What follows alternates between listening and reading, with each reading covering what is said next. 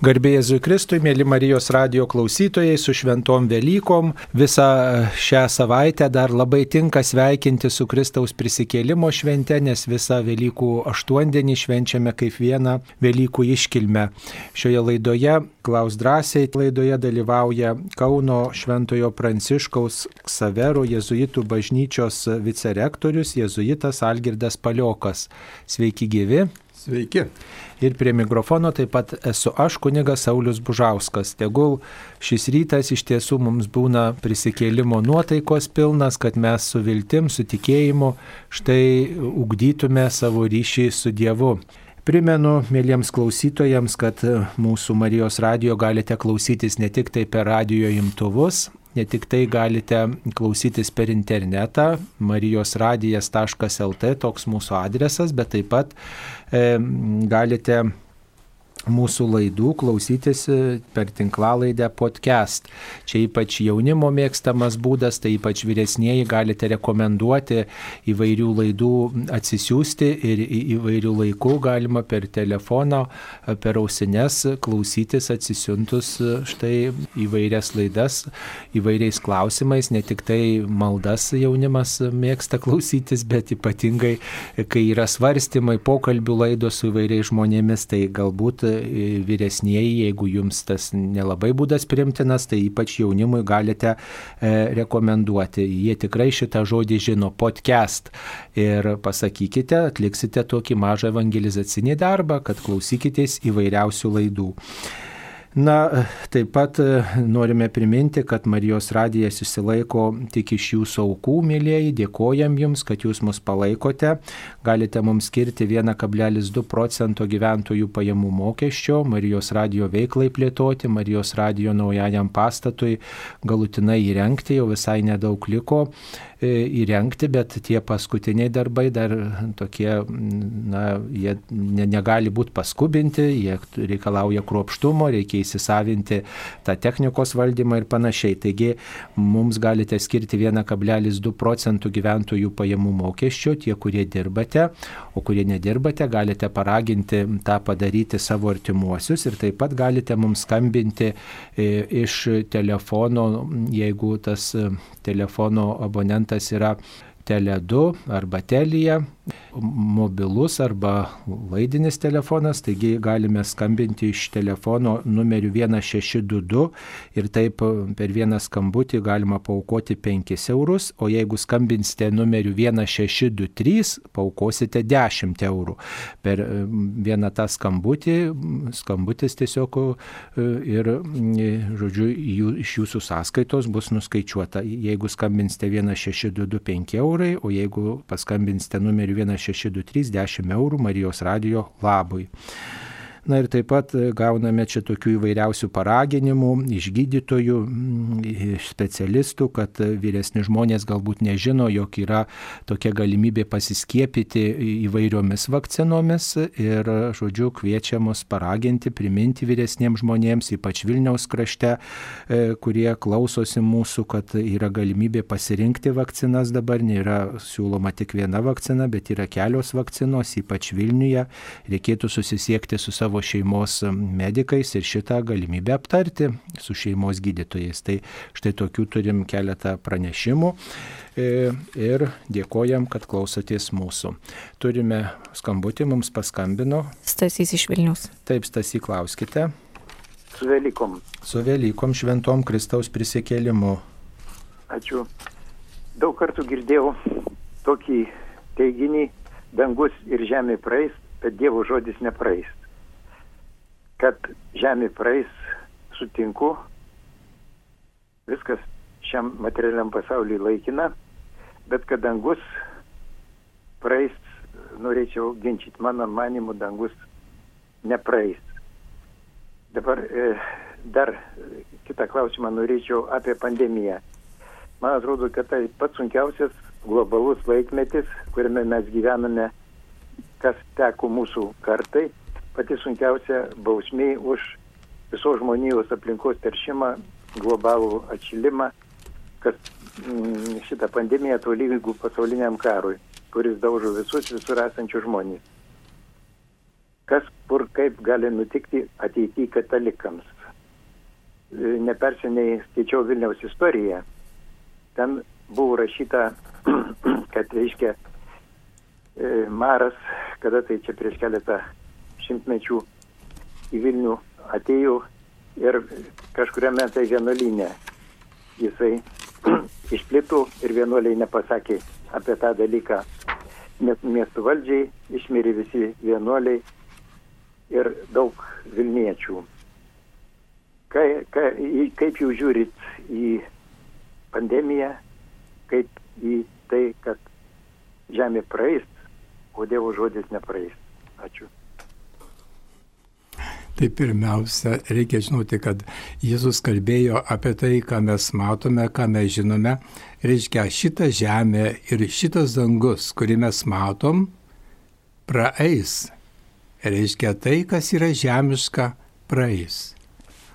O čia Jėzus norėjo mm, savo žodžius mm, pasakyti, kad jie turi nu, absoliučią reikšmę ir jie niekur nepražūva. Kad reiškia tos tiesos, kurios yra pasak, jo pasakytos, yra amžinos. Tai trumpai tiek. Taip, čia tas e, regimo pasaulio laikinumas pabrėžiamas. Regimo pasaulio laikinumas dangus ir yra e, ne tik tai tas dangus, dangaus karalystė, bet ir dangus, ką mes e, suprantame, į ką žvelgiame, į ką pakylame, skrisdami lėktuvais, galima ir taip suprasti. Tai tiesiog kvietimas su, susimastyti, jog viskas praeina, lieka tik vienas Dievas yra amžinas. O dėl epidemijos, Marijos, na tai koks požiūris, na tai žinoma, įvairiai galima perskaityti šitą ženklą, aišku, kad tai yra šitaip šitas ženklas Dievui žinomas ir Dievo leistas ir jis tikrai kažką reiškia. E, turbūt kiekvienas įsiaiškina savaip, yra kviečiamas įsiaiškinti kiekvieną savo situaciją, turbūt įvertina ir susimasto apie savo gyvenimą. Turbūt vienas dalykas yra labai akivaizdus, kad žmogus yra, kad ir koks būtų, kokie jo technikos pasiekimai, kad ir koks jo būtų išsilavinimas ir, ir, ir kokie būtų moksliniai gebėjimai žmonijos, vis tiek tai yra nepaprastai trapu viskas, ar ne? Ir užtenka štai viruso ir net didžiausios laboratorijos mokslininkai, na, dėlse ir, ir, ir, ir, ir lengvai neranda priemonių, kaip tą virusą įveikti.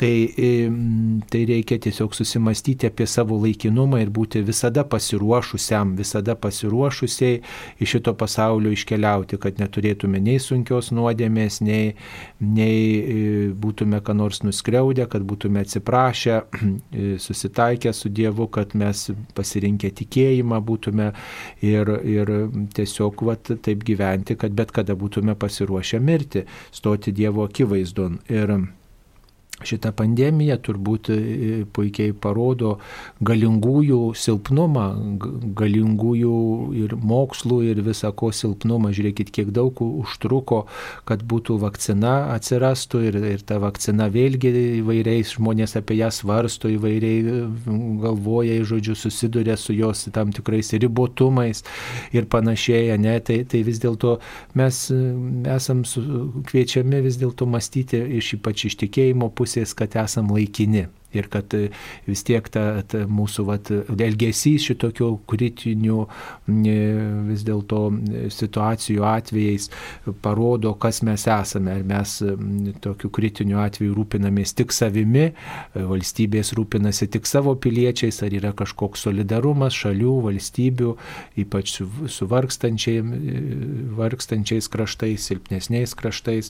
Ir kaip mes žvelgiame, vat, krizės akivaizdoj, pandemijos akivaizdoj vieni kitus, juk žmonės ir darbo netenka, ir susiduria su sunkumais, ir, ir, ir, ir darbo srity, ir, ir negali bendrauti, ir jie atranda e, kitus bendravimo būdus, ir dar padidėja skurstančių, vargstančių žmonių, kaip girdime iš, tai, iš tų žmonių, kurie rūpinasi karitas reikalais, kad padidėja tų, kuriems pagalbos reikia, nes žmonės susiduria su įvairiausiais sunkumais, kaip mes elgiamės štai tokioje akivaizdoje vėlgi tai mums egzaminas.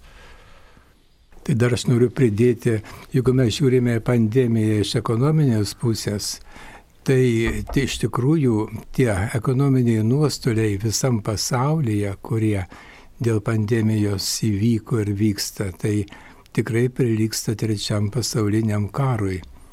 Nes karą mes atpažįstame ir jį įvertinam pagal nuostolius.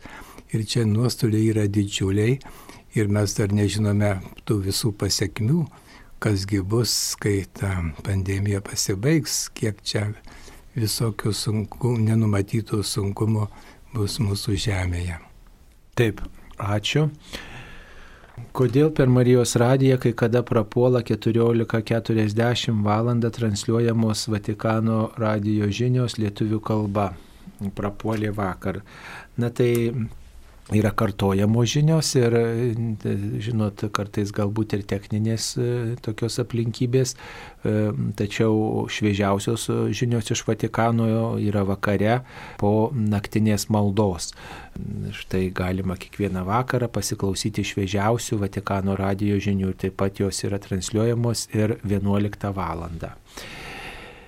Taigi, kalbama buvo per Marijos radijo apie Angelą Mykolą kaip ne apie asmenį, o kaip gėrio idėją kažką panašaus. Ar taip gali būti, juk angelai taip pat yra asmenys, ar ne taip? Aišku, kad yra asmenys ir čia nėra jokios kalbos apie idėją, tai daug ką galima paversti ir Dievą galima paversti idėją. Ir kitus dalykus, nu, tai žinot, žmonės yra kūrybingi kažkaip taip e, arkangelų vadinti galbūt šiais laikais, kai kam yra nelabai įprasta, nu tai tada pavadina kitaip. Taip. Kiek metų gyvuoja laida Klaus drąsiai, e, laidos archyvas nuo 2011 metų. Na, e, tikriausiai tiek laiko ir gyvuoja, tikrai dabar negalėčiau greitosiomis pasakyti, reikėtų pasidomėti. Šita laida gyvuoja nuo tada, kai Marijos radio programų direktoriumi buvo dabartinis arkivyskupas Kestutis Kievalas. Tai štai nuo jo, nuo jo darbo Marijos radijoje šita laida ir gyvuoja, taigi e, įrašus galima rasti, o ar e, tais metais tikrai tai šito pasakyti negalime. Dabar reikėtų specialiai pasidomėti. Taip, dabar Dar vienas klausimas. Na, čia labai dažnai pasikartojanti šitas klausimas. Būčiau labai dėkinga, jei galėčiau išgirsti išsamų paaiškinimą. Vėlė, sielos, dvasios esmė, žmogaus siela ar dvasia yra nemirtinga. Tai dažnai be pasikartojantis klausimas. E, taigi, žmogaus siela ar dvasia yra nemirtinga. Žmogaus dvasia nemirtinga, dvasia tai panašumas į viešpatį. Tačiau siela ir dvasia kai kurių autorių laikoma sinonimais. E, va, ir žmogaus gal nereikėtų taip skaidyti. Čia žmogaus kūnas, čia žmogaus siela, čia žmogaus e, dvasia. E, vis tiek tikėjimas moko, kad mes esam kviečiami rūpintis visų žmogumi. Ir netgi yra, taip sakant, Vatikane dabar netgi tokia dikasterija, tarnavimo integraliai žmogaus pažangai dikasterija, kuri e, e, kaip tik tai ir pabrėžia, kad žmogus vis dėlto yra integralus ir mes negalim jo dalinti. E, taip nereikėtų ir kai žmogus miršta, mes nesimeldžiam tik tai už jo dvasę, mes meldžiamės už tą žmogų.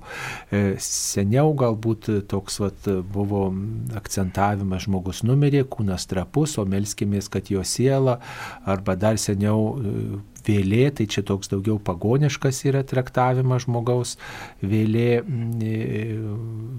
reiškia, pagoniškas požiūris, jisai buvo susidūrę su ta krikščioniška mintimi ir dėl to mes turime vėlinės, šventę, kada melžiamės užmirusius, tačiau tuo norime pasakyti, melzdamiesi užmirusius, kad jie gyvena Dievu ir ypač mes švesdami Kristaus prisikėlimo šventę tikime, kad ir mūsų mirusieji prisikelia ir kad žmogaus kūnas taip pat nors jis suyra į dulkes, bet jis kelsis gyvenimui be pabaigos. Tai e, reikėtų mums rūpintis dvasiniais reikalais, tai yra atvirumu Dievui, tuo pabrėžiame, nes Dievas yra dvasia ir kai sakom dvasi, dvasiniai reikalai, dvasingumas, dvasia, tai turim galvoj, kad mes norim atsiverti kuo labiau viešpaties veikimui. Va, ir siela, tai žinot, taip įprasta gal e, sakyti, kad sielos reikalais rūpinasi psichologai, dvasios reikalais rūpinasi e, tikėjimo žmonės. Dvasiški. Dva, dvasininkai, taip, o kūno reikalais rūpinasi gydytojai. Bet čia yra labai sąlygiškas dalykas ir kuo toliau, tuo labiau suprantam, kad negalim atskirsti e, įvairių žmogaus dimensijų, kad žmogus vis dėlto visuma, nes kai serga kūnas, tai ir, ir ir, ir siela liūdė, ir dvasia liūdė, ir visas žmogus yra liūdnas. Ir atvirkščiai, jeigu žmogus turi kažkokią nuodėmę padaręs, pavyzdžiui, tai galbūt ir neturi apetito, ir išveido iškritęs, kaip sakoma, liūdnas, ir jeigu jį kažkas graužia, kažkoks nerimas, baimė, liūdėsys, tai galbūt net yra ir kūno sveikatos pokyčių. Tai, tai dar aš noriu pridėti prie šito. Dabar, kuo toliau, tuo labiau medicina prieina tokios išvados, kad jeigu dvasia serga ir jeigu jį labai stipriai serga, tai susargdina po kurio laiko ir kūną.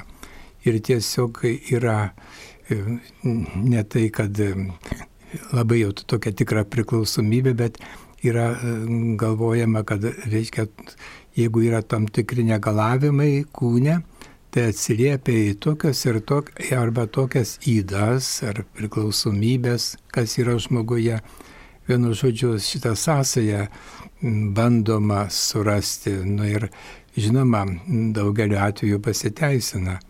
Taigi, kad norint, kadangi čia apie šitą klausimą eina kalba plačiai ir apie kūną, ir apie dvasę, tai jeigu yra kokie tai kūno negalavimai, visada reikia pasižiūrėti, o kaip yra su dvasia. Ar ji yra sveika, ir ar nereikia ten kažką pataisyti. Seni žmonės įsakydavo, jeigu yra bėda, tai pirmiausia iš pažinties eiko, paskui jau kažką kitokias žemiškas priemonės panaudok. Taip, mums paskambino. Klausytoja Bernadeta iš Vilnius. Tai Bernadeta, klauskite. Garbėjusai Kristai. Per amžius. Nu, čia daugiau pas mane bus tokiam pamastymam, kur čia turbūt niekas negalės pilnai atsakyti, bus kodėl ir kodėl ir kodėl. Daleidžiam, prieš įsikūnymą jau Kristus tikriausiai žinojo visą savo scenarijų, kad taip turi įvykti.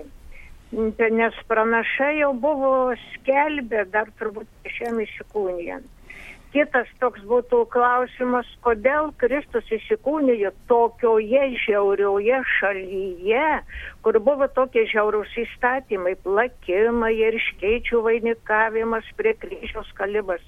Europoje, Skandinavijoje tokių įstatymų nebuvo, bet įmenais tenai įsikūnijo. Ir dar trečias toksai, Kristus tai žinojo, priimdamas judą į apaštalų būrį. Jis visą žinojo, nes jis visą žinis, kad jis jį išduos. Nu tai čia vėl galvoju, jeigu čia gal jau buvo, mes dabar jį tai baisiausią nusikaltėlių laikom, bet tai gal jis nekaltas, kad jisai turėjo tokią baisę misiją įvykdyti, nes kitai būtų nebuvę prisikėlimų ir to. Nu čia jau paskui, čia sakau, pamastymam, aš kai turiu laiko primaščiau ir galvoju, kodėl, kodėl ir kodėl. Ačiū. Taip, a, a, aišku.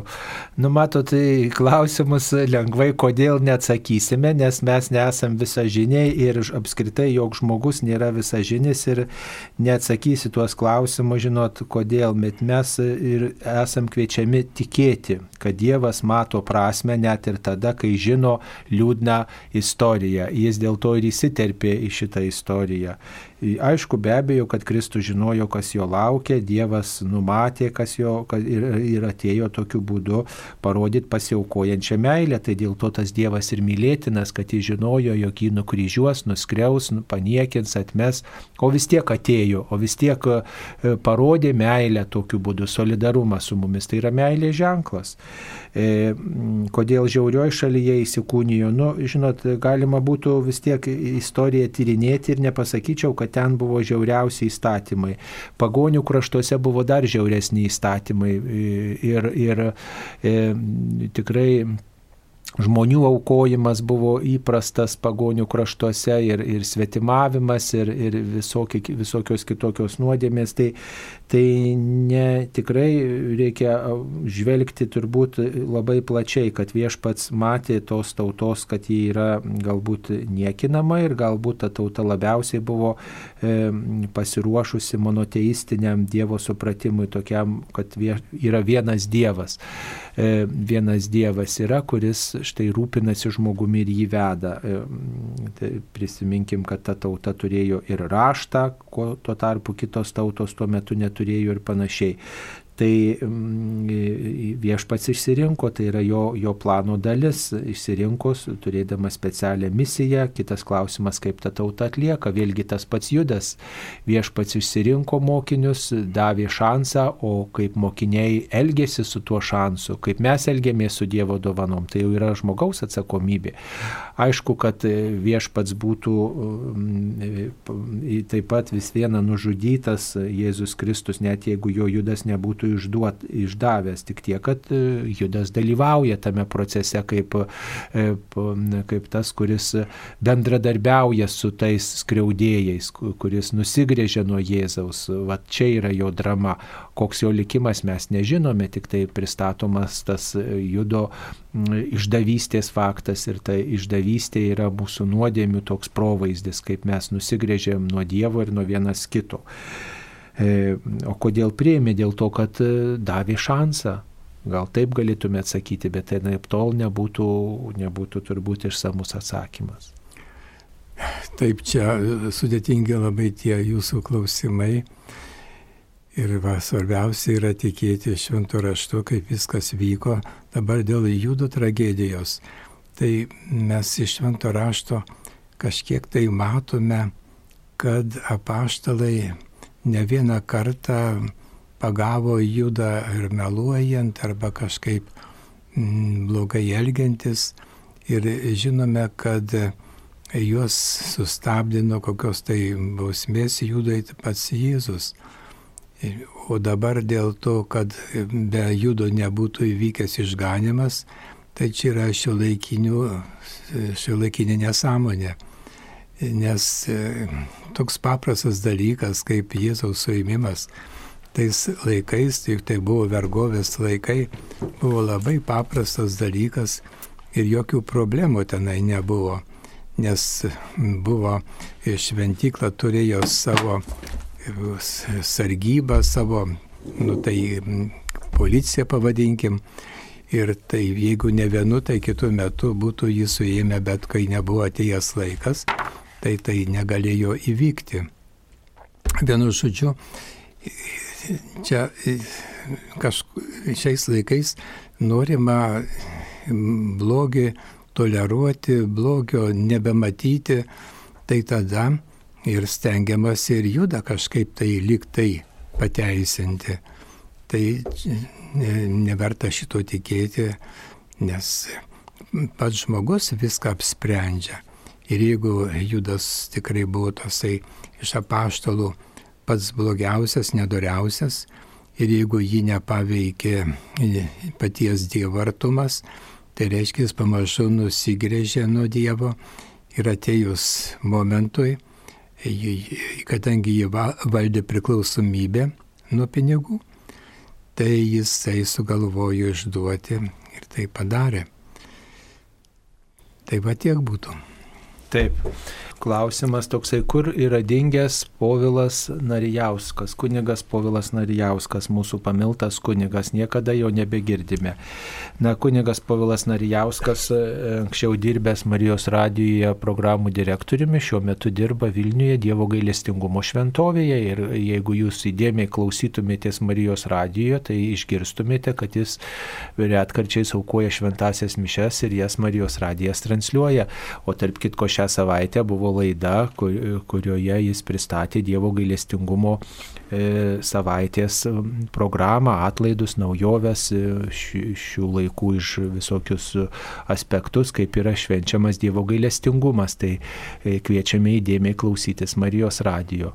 Mm, e, čia dar nori patikslinti, kad Marijos radijo įkūrėjas kunigas Oskaras Volskis. Tai jis yra pirmasis Marijos radijo programų direktorius, o mes laidoje kalbėjome ne apie Marijos radijo įkūrimą, bet apie laidą Klausk drąsiai, nuo kada jį prasidėjo. Toks buvo klausimas anksčiau. Taip, kiekvieno mėnesio 29 dieną 12 val. per Marijos radiją įpratome girdėti mišes iš Vilniaus Švento Rapolo bažnyčios esančios dešiniajame Neries krante prie Kalvarijų tilto. Bet kovo 29 dieną mišios transliuotos iš kitos bažnyčios Vilniuje Švento Jono Bosko. Ar pasikeitė e, šventų mišių tvarkaraštis? E, na, nepasikeitė, tačiau retkarčiais dėl įvairių priežasčių, techninių aplinkybių, dėl įvairių sutapimų yra pasirenkama kažkuri kita bažnyčia. Tai čia mm, tiesiog mm, tokie įvairūs tie mm, pasikeitimai, nemanau, kad jie ateštų kažkokios sumaišties. Tiesiog svarbu, kad tie, kurie negali dalyvauti šventosiuose mišiuose, galėtų e, klausytis e, per Marijos radiją. Mums paskambino Milda iš Ariogalos. Taip, Milda, klauskite.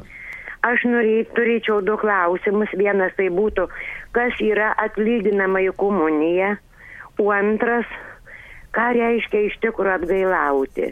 Ar tai, kad aš, pavyzdžiui, tikrai suprantu, kokį blogį padariau ir tvirtai apsisprendžiu daugiau to nedaryti. Ar dar kaip nors kitaip. Laukiu atsakymą. Taip, atlyginamoji komunija. Nu tai mes e, turbūt čia galbūt tokį pamaldumą puoselėjame, ne kad štai priimam komuniją ir tokiu būdu trokštame vis dėlto viešpačiui parodyti savo troškimą taisytis, atsilyginti už padarytas skriaudas. Jeigu mes buvom kažkada e, nutolę nuo Dievo, blogai kažką darėm arba E, kiti žmonės darė, tai štai mes e, matydami savo trapumą, e, mes einam iš pažinties, matydami kitų žmonių trapumą, mes melžiamės už juos, darom visokius geruosius darbus ir priimam štai tą intenciją, norėdami atsilyginti, atsitai, atitaisyti padarytą skriaudą savo ar kitų šventąją komuniją. Aišku, labiausiai galima ištaisyti savo padarytas skriaudas, tačiau kai melžiamės už kitus žmonės, tai irgi tokiu būdu beldžiame į kitų žmonių sąžinę ir tokiu būdu taisome viešpaties viešpaties darbus, tęsėme viešpaties darbus, gerumo, gailestingumo darbus. Mhm. Žinot, kiekvienas veiksmas gali būti atliekamas mechaniškai, taip ir šitas veiksmas gali būti taip pat atliekamas. Ir kai mes paukojame, tai įgauna vėl kitą vertę ir gauna tas, reiškia, jeigu mes už save, tai mes gauname, jeigu už kitą aukojam komuniją atlyginimo, tada kitas gauna kažkokią malonę. Taip. Dabar apie atgailavimą. Ką reiškia atgailauti? Mm. Atgailauti tai nereiškia, kad tik tai atsisakai nusigrėžiai nuo to blogio, kurį darėjai. Bet atgailauti tai tas žodis reiškia daug, žymiai daug daugiau. Ir mes žinome iš šventosios istorijos, ką reiškia tautos atgaila, kokiu dalyku ėmėsi. Nu kaip pavyzdys, sakysim, kai Jona paskelbė Ninivėje, kad ji bus sunaikinta. Tai žmonės į atgailos maišus apsivilko, įsėdo į pelenus, kas jau labai jau nemalonu ir, ir labai skausminga netgi. E, pietų kraštuose, kai žmogus prakaituoja. Ir netgi pats karalius išgirdęs, kad čia atsirado toksai nu, Jona, kuris šitaip skelbė, patikėjo ir jisai pats ėmėsi atgailos. Ir dabar netgi galvijai negavo ėsti. Tai įsivaizduokite, koks šauksmas tenais iš to miesto kilo į dangų ir Dievas pasigailėjo. Na tai čia vienas momentas, kad jūs suprastumėt atgailos dydį. O šventieji, nu kaip pavyzdžiui Šventasis Ignacas Lojola, kuris man labai gerai pažįstamas iš literatūros, Tai jisai pirmiausia, jisai pradėjo atgailą atsivertęs, kai jisai metė šitos žemiškus dalykus ir pasirinko grinai dvasinį gyvenimą, tai jisai pradėjo atgailoti ir, ir labai stipriai vėl atgailos maišo apsirengęs jisai elgetaudavo, žinoma, ge, darė gerus darbus ir labai labai daug meldėsi. Tiesiog jo visas gyvenimas e, tuos pirmaisiais tais e, atgailos metais buvo e, tam pašvestas, ėjo į ligoninės, tarnavo ir padėjo žmonėms, kur tik begalėdamas, vienu žodžiu, padarė labai daug. Ir taip pat ir mesgi galime atgailos intenciją ne tik tai susilaikyti nuo mėsos penktadieniais, bet galime ir stipriau, didesnį atgailą padaryti, pavyzdžiui, su duona ir vandeniu. Čia žinoma galbūt būtų per sunku, kadangi mūsų kraštas yra šaltas, tai su arbata ir, ir, ir duona arba kava ir duona. Tai tada jau čia yra tikrai nemaža atgaila. Prisiminkime dar senuosius laikus mūsų katalikų bažnyčioje, kai būdavo už viešus nusikaltimus ir viešos atgalos, kai žmogus būdavo sekmadieniais nuo ryto pririšamas prie stulpo turgu, turgaus aikštėje ir tada jisai visi matydavo, kai jisai nusidėjėlis, žinoma, kai kas galbūt ir piktus žodžius jam pasiūsdavo, bet šiaip jisai prašydavo, kad už jį melstusi, nes jis yra nusidėjęs. Ir tik tai po tam tikro laiko jisai gaudavo nuodėmių atleidimą ir būdavo sutaikoma su bažnyčia. Vienu žodžiu, apie atgalą kalbėti galima labai plačiai. Tuo klausimu manau, kad e, internetas jums padėtų plačiai sužinoti daug ir daug ką pasiūlytų. Na tai tiesiog trumpai tariant, tai yra toks liūdėsys dėl to, ką, ką, netinkamai padariau. Adekvatus kalties prisėmimas, atsakomybės už savo padarytą blogį prisėmimas. Kaltė žinoma visose kultūrose, aišku, yra tokių, e, tokių vis dėlto nuostatų pasaulyje, kad čia kalties nereikėtų prisijimti, bet atsakomybę vis dėlto turim prisijimti už tai, ką padarėme. Ir toks tam tikras išgyvenimas dėl to, kad nuklydau nuo nuo to e, viešpaties parodyto kelio. Ir tai reiškia, kad e, trokštų grįžti, trokštų atitaisyti padarytą skriaudą, trokštų keisti savo gyvenimą. Atgaila visuomet lydima norų ir pastangų keistis. Taip, liūdna, kad Dievo gailestingumo šventovėje gavo neša tokie gėdoriai, ypač gailestingumo vainikėlį. Daugelį papiktina, tenka išjungti radiją, negalima kartu melstis. Gelbėkit nuo grubaus gėdojimo, maldininkai iš Klaipėdos. Ačiū, jei pakeisite.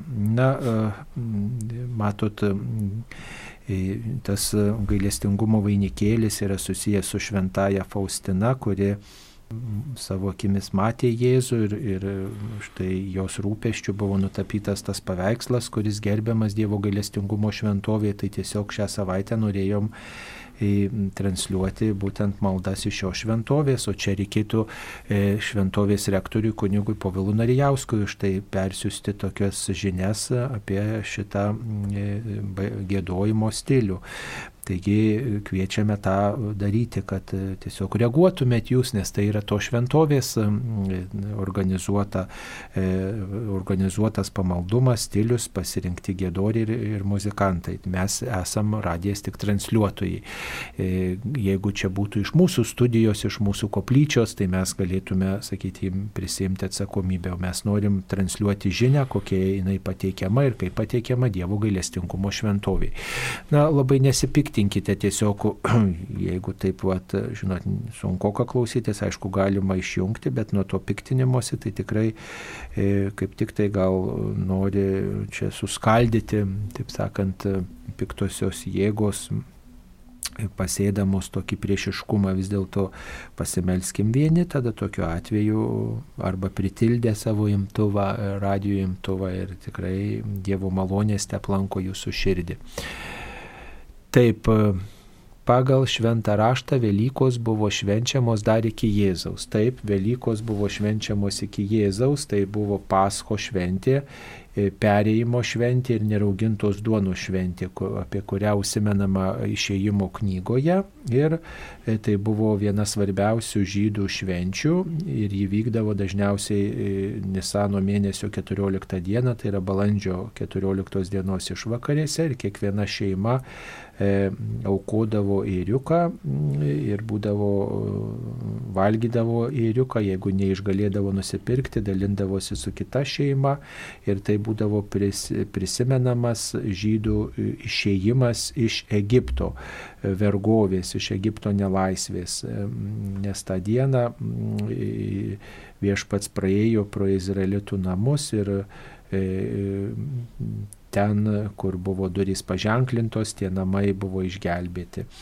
Ir per visą šitą šventę ir netgi po jo po šio šventės, po, po Pasko šventės, Velykų šventės buvo valgoma e, duona iškepta be mėlių, nerauginta duona. Ir tai turėjo priminti, kad e, skubiai žydai iškeliavo e, į, iš Egipto nelaisvės į pažadėtąją žemę. Ir E, būdavo švenčiama namuose ir taip pat vėliau švenčiama Jeruzalėje iškilmingai aplankant šventyklą Ir tai viena svarbiausių žydų švenčių iki Jėzaus. Ir dėl to Jėzus e, taip pat savo mirtį susijęjo su, su šia švente, nes norėjo parodyti, kad jis yra tas avinėlis, kuris pasiaukoja už visą žmoniją. Ir jis ne tik tai, kad e, pasiaukojo, bet jis ir prisikėlė, nugalėjo mirtį, nuodėmę ir kartu primena, kad iš seno gyvenimo, iš nuodėmingo gyvenimo mes esam kviečiami E, pasirinkti Jėzų ir keltis amžinajam gyvenimui ir jo laikytis ir jo siekti, atmesti bet kokią nuodėmę. Mums paskambino. Bronislava iš Baisogalos. Tai Bronislava, e, klauskite. Gerbėjus Kristui. Per amžius. Aš norėjau paklausti, kai Jėzus sukūrė Tėvę mūsų maldą, ar buvo amen ar ne? Vienas dalykas. O antras dalykas, per mišes aš suprantu, kad nereikia, nes kunigai toliau vidury nebaigiam tą amen ir toliau kalba kunigai. O dabar kaip poterius kalbam, kodėl nėra amen, tuo labiau, kad dabar mes žinom, ką reiškia tas žodelis amen. Tai reiškia, kad žmogus, jeigu pakalba tą tėvę mūsų ir nepasako amen, tai jis turbūt ne, ne, nepritarė tai maldai. Daleiskim visi poteriai, sveika Marija mentūri ir garbė Dievo tėvų ir tikiu į Dievą tėvą, o tėvę mūsų nebėra. Men. Aš jau 80 virš metų, nuo kūdikystės, kai medžiuosi, man labai sunku klausyti, kai nepasako amen. Ačiū labai. Taip, supratom jūsų klausimą. Na, reiktų jau mes pasitikslinsim atsivertę šventą raštą, ar ten nėra amen. Tikriausiai ten nėra parašyta. Žodis amen reiškia mhm. taip tikiu, pritariu, te būna, iš tikrųjų tai tiesa, nu labai plati reikšmė.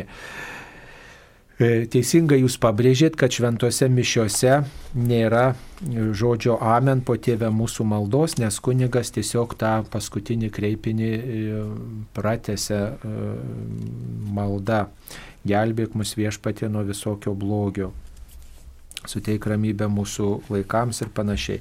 Tai nereikia, nes e, pabaigoje paskui mes, kai kunigas užbaigia, tada tik pasakome amen. E, o poteriuose, tai galima pasakyti, tačiau reikėtų taip pat ir turėti galvoj, kad po tos maldos vis tiek seka kita malda ir mes nu, esam tame maldos, maldos tokiam ritme, mes tęsiam maldą ir, ir galbūt pabaigoje tik tai pasakysim amen ir tas atstos visus nepasakytus mūsų amen, jeigu taip galima pasakyti. Tai e, labai, žinot, į tą, į tą žodžių gausumą labai mes ne, nesiremkime, nedaugiau išgyvenkime tą patį tekstą, kas tuome tekste yra pasakyta tėvė mūsų maldoj. E, ir bus daugiau naudos, jeigu mąstysim pačius e, tėvę mūsų maldo žodžius e, tai bus daugiau naudos. Mhm. Tai aš pastebėjau, kad iki Vatikano susirinkimo tai kažkaip kiekviena malda būdavo jau būtinai baigiama Amen. Po Vatikano susirinkimo jau keičiasi truputį šitas dalykas, nes jeigu ir toliau eina malda, tai tada jau ir jį prijungiama, jau nebesakoma iš karto po kiekvienos amen. Ir mišių liturgijoje šiaip tai yra ne viena, ne dvi liturginės maldos. Ir va, kaip jūs pastebite, nu nėra taip po kiekvienos maldos sakoma amen.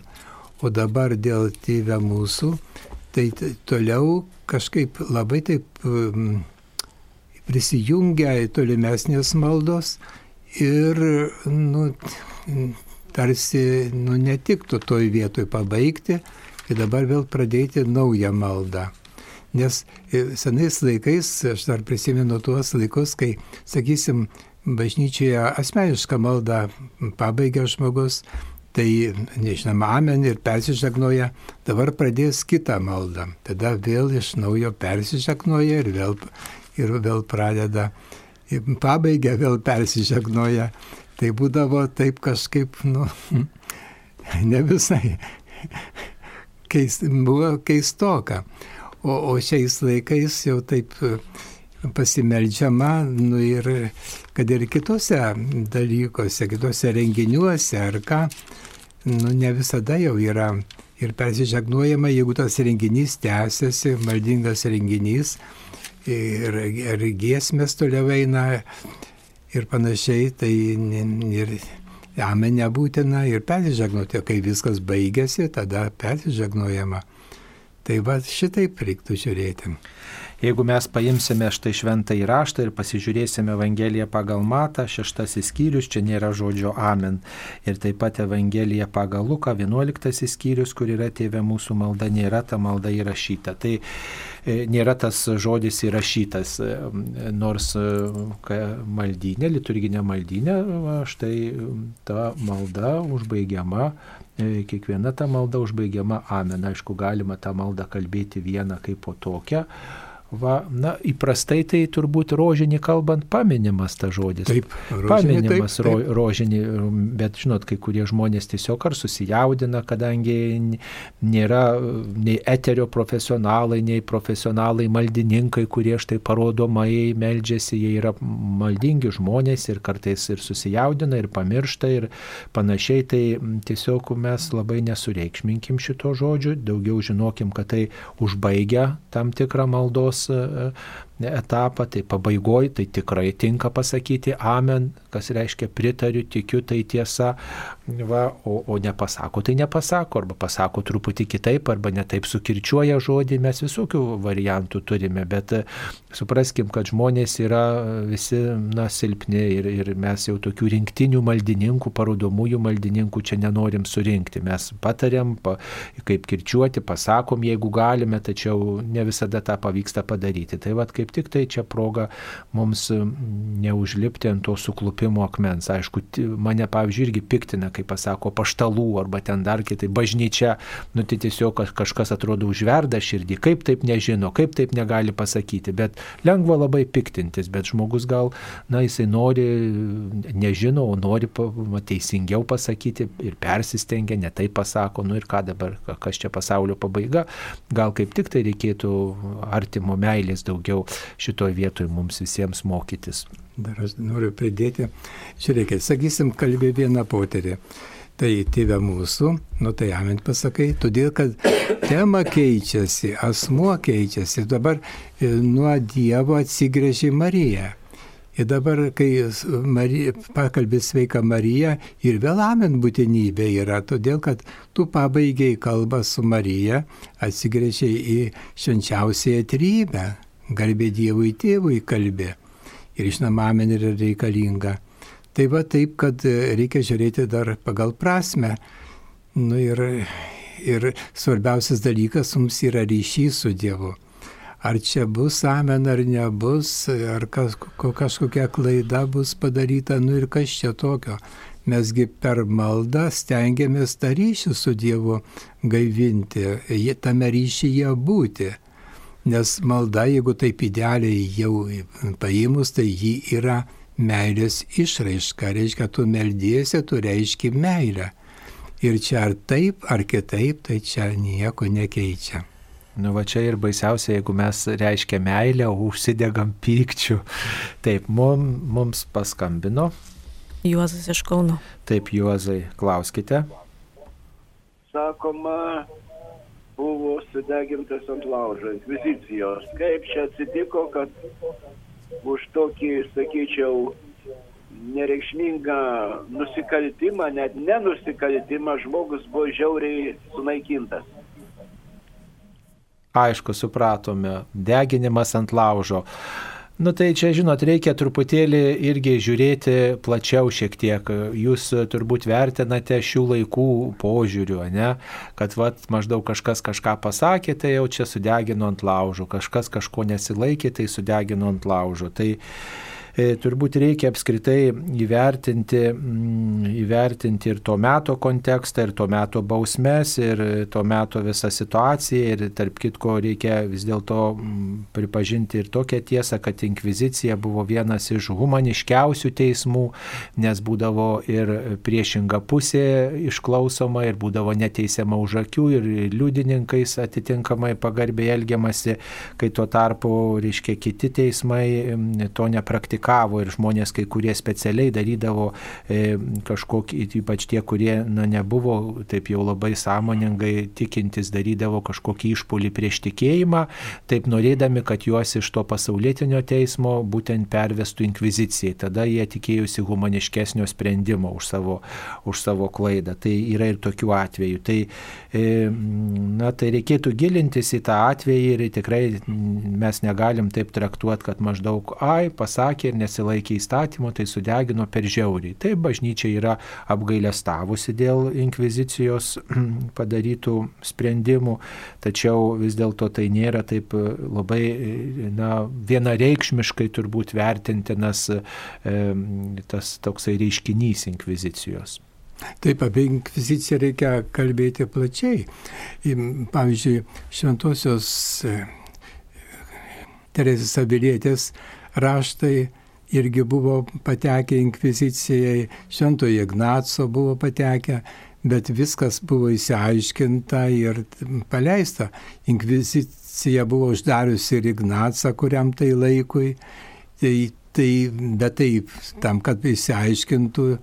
Ir tiek tai nereiškia, kad tenai buvo ten vien tik tai deginimas ant laužo. Tada tiesa buvo labai svarbi tais laikais, kai nebuvo tos galimybės susisiekti kaip dabar, nebuvo taip, nebuvo rašto, nuspaustų turiu galvoj, tai tada ir labai stengdavosi ją užlaikyti. Ir be to man tai labai norisi priminti žmonėms, kurie nežino apie skaičių. Nes dabar jau, jau iš sovietinių laikų inkvizicijos nubaustų ir sudegintų žmonių buvo atseit 2 milijonai.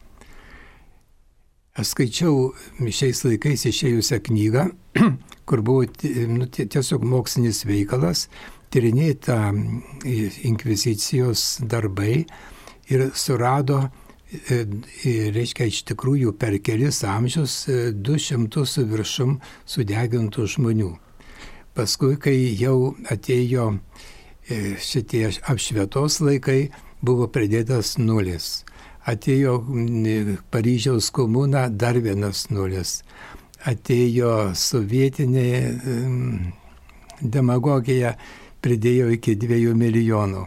Nu tai atsiprašau, tai va, reikia žiūrėti į tiesą, o ten, jeigu mes žinotume, kaip ten buvo, ten konkrečiai va tie teismai, ten kunigas nedalyvaudavo kaip teisėjas, bet jisai dalyvaudavo kaip tas, kuris pasako, kas yra tiesa pagal šventą raštą, pagal mūsų tikėjimą ir stengdavosi to žmogaus sielą išgelbėti. Jiems svarbiausias dalykas būdavo, kad žmogus susitaikytų su Dievu, o valdžia bausdavo savo priemonėmis.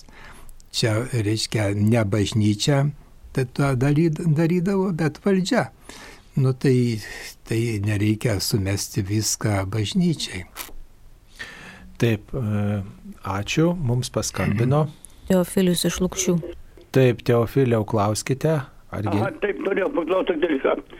Ketvirtadienį per Marijos radiją būna litanija Kristaus aukos ir kunigo litanija. Ir ten yra viena invokacija, reiškia, tai iš vieno, iš, iš dviejų padarė vieną. Va, Kristaus, Kristi, vien žodžiu taip, kad tai e, Kristaus, e, au, dabar aš ne, neprisimenu tiksliai jau. E, bet, tai kai prisiminsite, tai tada tiksliai ir užduokite. Kad čia yra vienintelė invokacija, kurią, kurią neužmiršti negalima. Va. Kristaus aukos ir kunigo litanija yra tokia, kuri, kurią kurią šitą transliuoja per Marijos radiją. Ir ten yra tokia invokacija, kad e, Kristau, Kristaus auka, kuri iš dviejų padarė vieną. Na tai tiesiog reikėtų pas, pa, pasižiūrėti konkrečiai ir dabar tikrai dabar greitosiomis neatsakysime.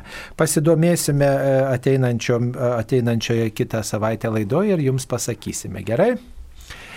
Taip, ar geriau vengti intimumo su kita moterimi, jei esi išsituokęs, ar tai sunki nuodėmė? Nu tai čia viskas aišku, tai prieš šeštą Dievo įsakymą ir net ne, ne, ne ir klausti nereikia. Taip, tai yra nuodėmė, tai sunki nuodėmė, svetimavimas yra, tai pasakysime, ir ją reikia išpažinti ir aišku geriau e, atsisakyti šito, šito tokio ryšio ir e, intimų santykiai pagal bažnyčios mokymą galimi tik tai e, santokoje. Taip, dar viena žinutė vakar Dievo gailestingumo šventovėje netinka ir nepatiko dėl gėdojimo ir dar nesupratau, kodėl kunigai nusprendė neduoti komunijos tai klikiančiai moteriai, gal ją yra kokia galimybė padėti ar kunigams ir vyskupui tai nemotais. Na tai aišku, ta moteris yra žinoma, kuri vat, štai taip elgesi gana iššaukiančiai pamaldose ir, ir tiesiog šaukia va, ir tokiu būdu reikalauja gal ir dėmesio ir, ir, ir nori, kad štai prie jos prieitų kunigas ir su jie yra ir kalbėta, ir kalbėjosi įvairūs žmonės ir specialistai ir buvo primtas sprendimas jai asmeniškai pasakyta, kaip geriau reikėtų e, laikytis, elgtis, bet jinai tiesiog nelabai paiso e, patarimų, rekomendacijų, įsakymų ir jai yra nemotais, kiek teko girdėti ir jinai e, elgesi taip, kaip jai atrodo tinkama. Tai įvairiai turbūt mėgina elgtis kunigai, kai išauga šaukti pradeda per pamaldas ir aišku, žmonės e, labai susiskaldo ir įvairiai reaguoja. Vieni sako, tu šito jau čia reikia gelbėti, kiti sako, reikia nekreipti dėmesio. Nu tai įvairūs tie tokie įvairios reakcijos yra, bet aišku, kad čia nu, toks yra viešosios tvarkos pažeidimas ir piktinimas tikinčiųjų yra ir turbūt žmogus, žinodamas, kad turi tam tikrų e, sveikatos problemų, vis dėlto turėtų na, nesistengti atkreipti į save dėmesio, vis dėlto laikytis patarimų ir medikų, ir dvasiškių patarimų, rekomendacijų ir, ir elgtis taip, kaip, kaip, kaip, kaip patarė, bet jeigu nenori bendradarbiauti nei su dvasininkais, nei su medikais, bet elgesi taip, kaip jam atrodo tinkama, tai ir turim tokius atvejus. Tai žodžiu, tarp mūsų gyvena įvairių žmonių ir įvairiausių būna atvejų, tai reikia turbūt e, tą suprasti ir žinoti, kad nu, negali būti taip, kaip aš noriu arba kaip e, kitas nori. Ne? Ir susikerta čia mūsų ir mintis, ir nuomonės, ir, ir, ir va, kaip, kaip pasielgti. Nu, aišku, kad pirmiausia nesmerkti turbūt žmogaus, o ieškoti būdo, kaip padėti, bet vėlgi kitas žmogus turbūt tą pagalbą ir piknaudžiauja. Ne? Ir, ir, ir, nu, va, tai, ir turim gailestingumo svarstymus ir, ir, ir kaip reikia elgtis. Galima ir žiūrėti kiekvienam turbūt pasirinkti taip, kaip jam atrodo tinkama, bet Bet labiau turbūt ne, reikėtų žiūrėti ir tokio viešojo intereso, kaip sakytume, bendros pagarbos e, pamaldose esantiems Dievui garbės ir, ir kartu žiūrėti, ne, kad žmogus, belsti žmogaus sąžinę, kad žmogus bendradarbiautų vis dėlto e, ir, ir atsilieptų į tai, kas jam yra sakoma, į tuos patarimus ir rekomendacijas. Taip, mums paskambino. Egidijus iš Kauno. Per amžius. Norėjau paklausti, apšnekant kitą žmogų už akių, jeigu apšneki, reikia atsiprašyti to paties žmogaus. Na žinoma, jeigu išdrysit būtų gerai, bet geriau jau liautis ir neapšnekinėti. Apkalbos yra labai toks e, dalykas, e, nu toks klampus, ne, toks ir painus. Viena vertus mes kartais ir pakritikuojam vieni kitus, bet, e, nu, ir tada labai tas lydi riba, kur čia prasideda apkalba, jau kur čia nebūtina kritikuoti, sakyti. E, tai va, reikia apie tai pagalvoti. Tai iš viso, jeigu, e, reiškia, kada galima, sakysim, apkalbėti be nuodėmės. Tada, kai yra m, labai rimta priežastis. Pavyzdžiui, vaiko blogą elgesį, tai tėvams reikia pranešti, nes ir čia nebus apkalba, tai yra būtinybė tam, kad ne tai, kad vaiką, reiškia, pasmerktų arba tenais bausmę gautų, bet kad tėvai tą dalyką atkreiptų dėmesį ir taisytų jį. Taip pat yra ir su artimaisiais, nu tai jų žmonės yra labai įvairūs. Jeigu yra, sakysim, pavojus, iš kaž, kažkas kažką ruošia blogo ir, ir tada apie tai kalbi su kitu tai ir norėdamas e, užbėgti už akių tam blogiui, tai tada nėra jokios nuodėmės. Bet jeigu pikdžiugiškai apkalbė, galvodamas, kad aš tai vad netoks kaip jis, o čia jau yra tikra nuodėmė. Ir dar e, kažkaip reikia ir patarti, kad, e, nu, kaip jau gelbėtis iš to. Tai žinot, jeigu mes už apkalbėtą jį pasimelsime, ir kuo daugiau apkalbėjom, tuo rimčiau, tai tada šita praktika padeda, kadangi čia jau Dievas įsikiša į mūsų kovą su savimi, su ta apkalba, su Dievo malonės dėka mes šitą daly, e, įdą pamažu ir išrausim. Taip, mums paskambino. Janina iš Vilnius. Taip, Janina Kla. Per amžius. E, man kilo tokie klausimai, kad kodėl gailestingojo Jėzaus paveikslė Jėzaus delnai be žaizdų. Ir girdėjau, kad Jėzus Majevskai sakė pripiešti. Ir kita pastaba, taip pat kodėl Jėzo paveikslė tam aureolė yra violetinė, juk pas visus šventosius turi būti šviesi geltona. Tai dėl, tų, dėl to toks įtarimas kilo, kas tas buvo Kazimirovskis iš tikrųjų. Tai ačiū buvo dailininkas Kazimirovskis, Eugenijus Kazimirovskis buvo dailininkas ir mm, jisai štai buvo pažįstamas su palaimintuoju kunigu Mykolu Sopočka. Mykolas Sopočka buvo suteikęs jam tokias patalpėlės jo veiklai plėtoti dailiai E, dailės darbams, jisai piešė natūrmortus dažniausiai ir, ir, ir taip pat piešė portretus, dirbo teatre dar, tai žodžiu buvo toks dailininkas, na ir Mykolas Opočko tiesiog va tam dailininkui pasiūlė tokį, tokį štai atlikti darbą, nutapyti Jėzų pagal Faustinos regėjimus.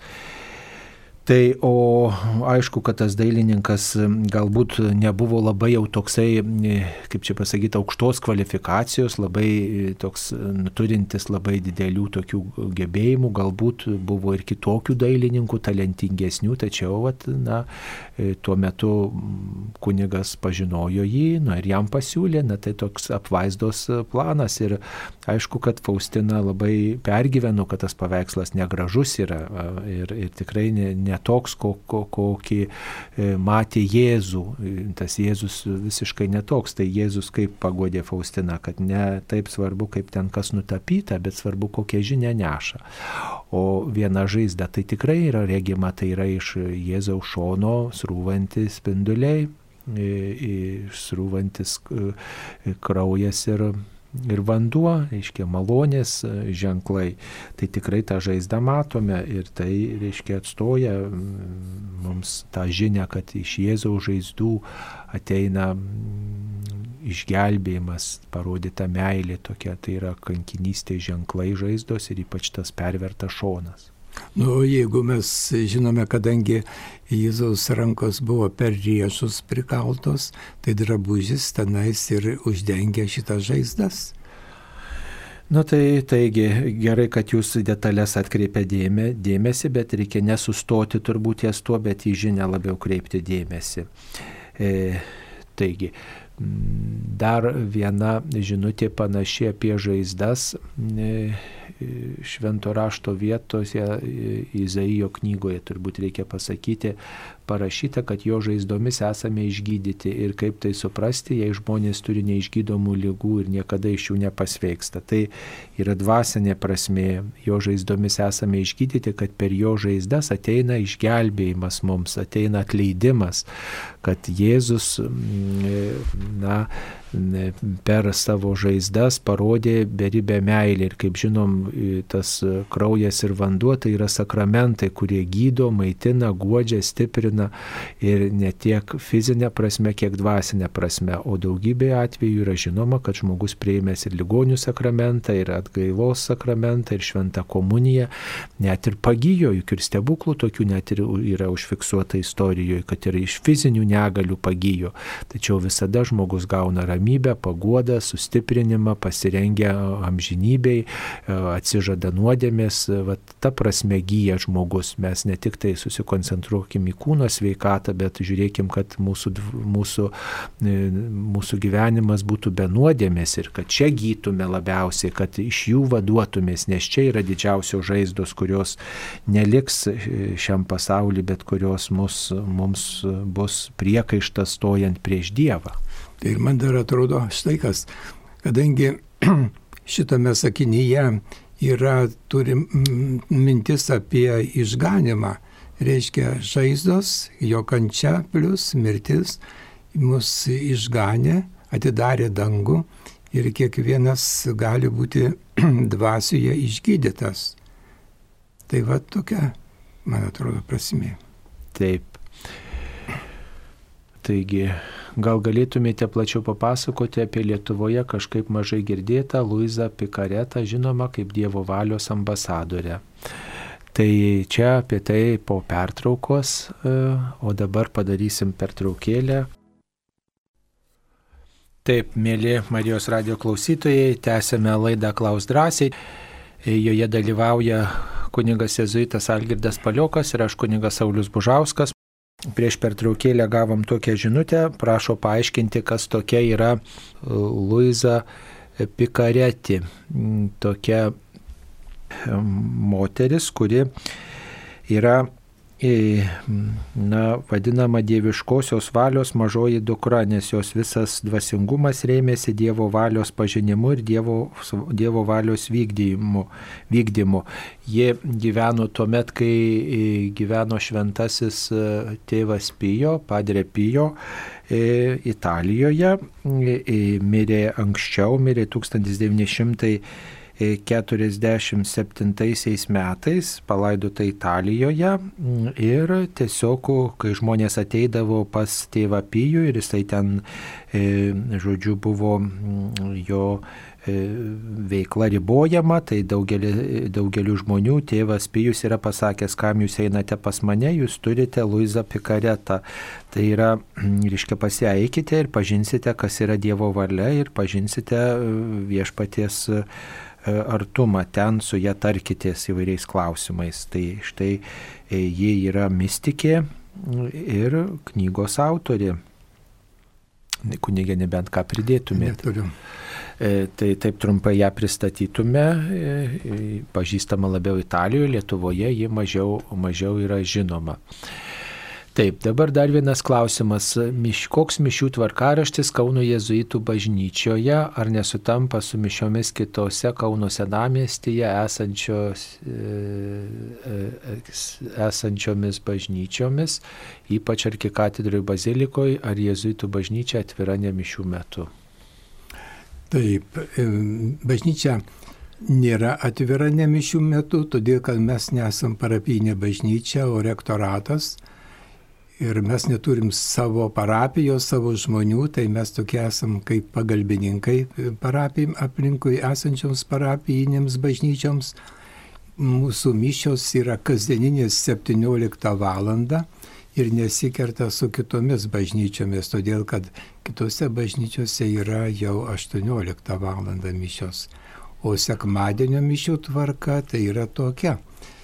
Matot, čia baigiantis karantinui, kai mes jau atsidarėm, tai mes čia dažniau būdavo pas mus mišios, kad žmonės nesusigrūstų į vienė, vienas mišias.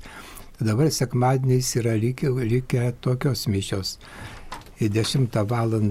yra nu, pagrindinės mūsų mišios, paskui 11.30 yra angliakalbėms ir kviečiami net ir lietuviai, kurie moka anglų kalbą. Paskui yra 17 val. kaip paprastai, reiškia ar sekmanis, ar paprasta diena 17 val. visada yra mišios. Ir dar yra tokios mišios 20 val. tiems, kurie nesuspėjo į kitas bažnyčias, arba ypač vasarą labai patogu grįžt, grįžtant iš kaimo ateiti. Tai va tokia tvarka.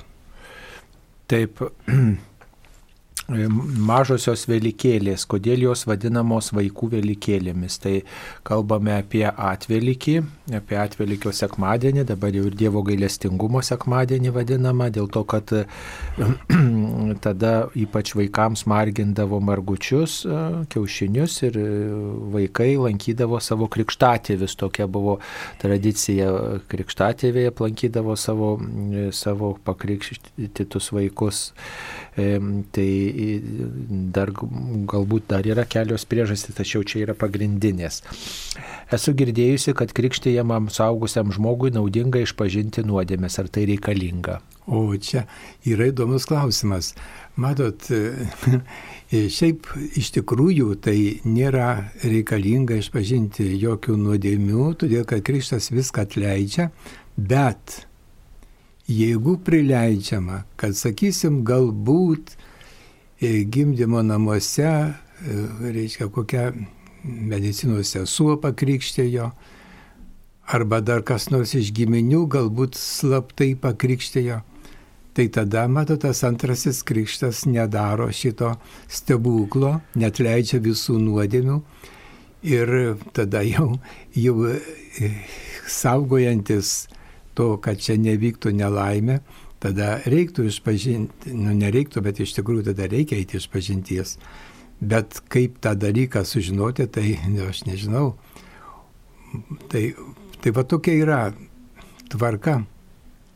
Na geriausiai reikia pasitarti, šiaip tai nė- nėra, nes krikštas atleidžia tas nuodėmės, Taip. nebent, nebent tokio dvasinio pokalbio apžvelgti savo gyvenimą, štai, na, tiesiog, pažiūrėjau, kaip ir ta, sako, išpažintis iš viso gyvenimo. Tai nereiškia, kad aš turiu vėl prisiminti savo, reiškia, padarytas nuodėmės ir išpažintas, tačiau galbūt taip pažvelgti į savo gyvenimą ir kaip man sekėsi lipti iš, iš klaidų, kokie mano gyvenimo vingiai, posūkiai buvo tiesiog, va tai panašiai galbūt ir šiuo atveju. Taip, dar vienas klausimas. Anuo metu Jėzus tarė savo mokiniams, aš einu pas tą, kuris yra mane siuntęs. Toliau sako, aš esu tėvuje ir tėvas yra manyje. Jums geriau, aš einu, sako Kristus, nes jeigu neįsiu, neteis pas jūs dvasia godėjas, o jei nueisiu, aš jį jums atsiųsiu. Jeigu tėvas ir sunus yra vienas kitame, tai kaip jis gali siūsti sūnų pats pasilikdamas kažkur vienas ir kaip gali sunus grįžti pas tėvą, iš kurio niekad neišeina. Na tai čia matot, mes turbūt labai taikom savo žmogišką mąstymą, patirtį Dievui. Supraskite, kad Dievo ir yra ta savybė būti vienu metu keliose vietose, jeigu taip galima sakyti, ateiti per uždarytas duris, kaip mokiniams atėjo durims esant uždarytoms ir sako, ramybė jums prisikėlęs viešpats. Tai va, Dievas gali, o žmogus ne, jis net nesupranta, kaip Dievas gali perėti per uždarytas duris. Tai va, lygiai taip pat ten, kur veikia vienas švenčiausios trybės asmo, ten veikia visi trys. Ir mm, e, nereiškia, kad e, Dievo buvo danguje mažiau, kaip jisai veikia žemėje. Tai amžinybėje viešpats yra tas pats, tačiau jis nusprendė tokiu būdu prie mūsų priartėti. Ir Dievas ir yra Dievas, kurio mūsų protas neapreips. Mes galim tik tai pamatyti viešpaties veikimą, bet nėra taip, kad Dievas vienoje vietoje veikia daugiau, ten jo tiršta, tai reiškia kitoje vietoje tuo metu jo nėra. Dievas yra visur ir, ir visada. Ir kai sakoma, aš ir tėvas esame viena, tai norima pabrėžti, kad Jėzus neveikia pats vienas iš savęs, bet yra vienybė su dangiškoju tėvu. Yra vienybė, bendrystė, visiškas pasilikimas jo valioje, jo valios vykdymas, va tą norima pabrėžti. Ir kai jisai Jėzus sako, kad e, jeigu jums geriau, kad aš einu pas tėvą, nes jeigu ne, ne- nenueisiu, tai neatsiųsiu jums globėjo, tai tokiu būdu norima pasakyti, kad tas globėja šventoji dvasia ateina kaip tėvo ir sūnaus dovana, kad tai yra, na, vat, naujas būdas Dievui būti su mumis per šventąją dvasę, kad viešpats dovanoja šventąją dvasę mums visiems ir jį paskatina ištarti Jėzaus vardą ir jį padrasina mokinius, jau mes žinom, kad nuo sėkminių mokiniai tikrai pasidarė nepaprastai drąsūs, jau jie nebesibaimino, kad juos atmeta, persekioja, skriaudžia, nepripažįsta, nepriima, jie ėjo, skelbė Kristų, jo mirtį ir prisikėlimą, Dievo darbus ir jie nieko nebebijojo.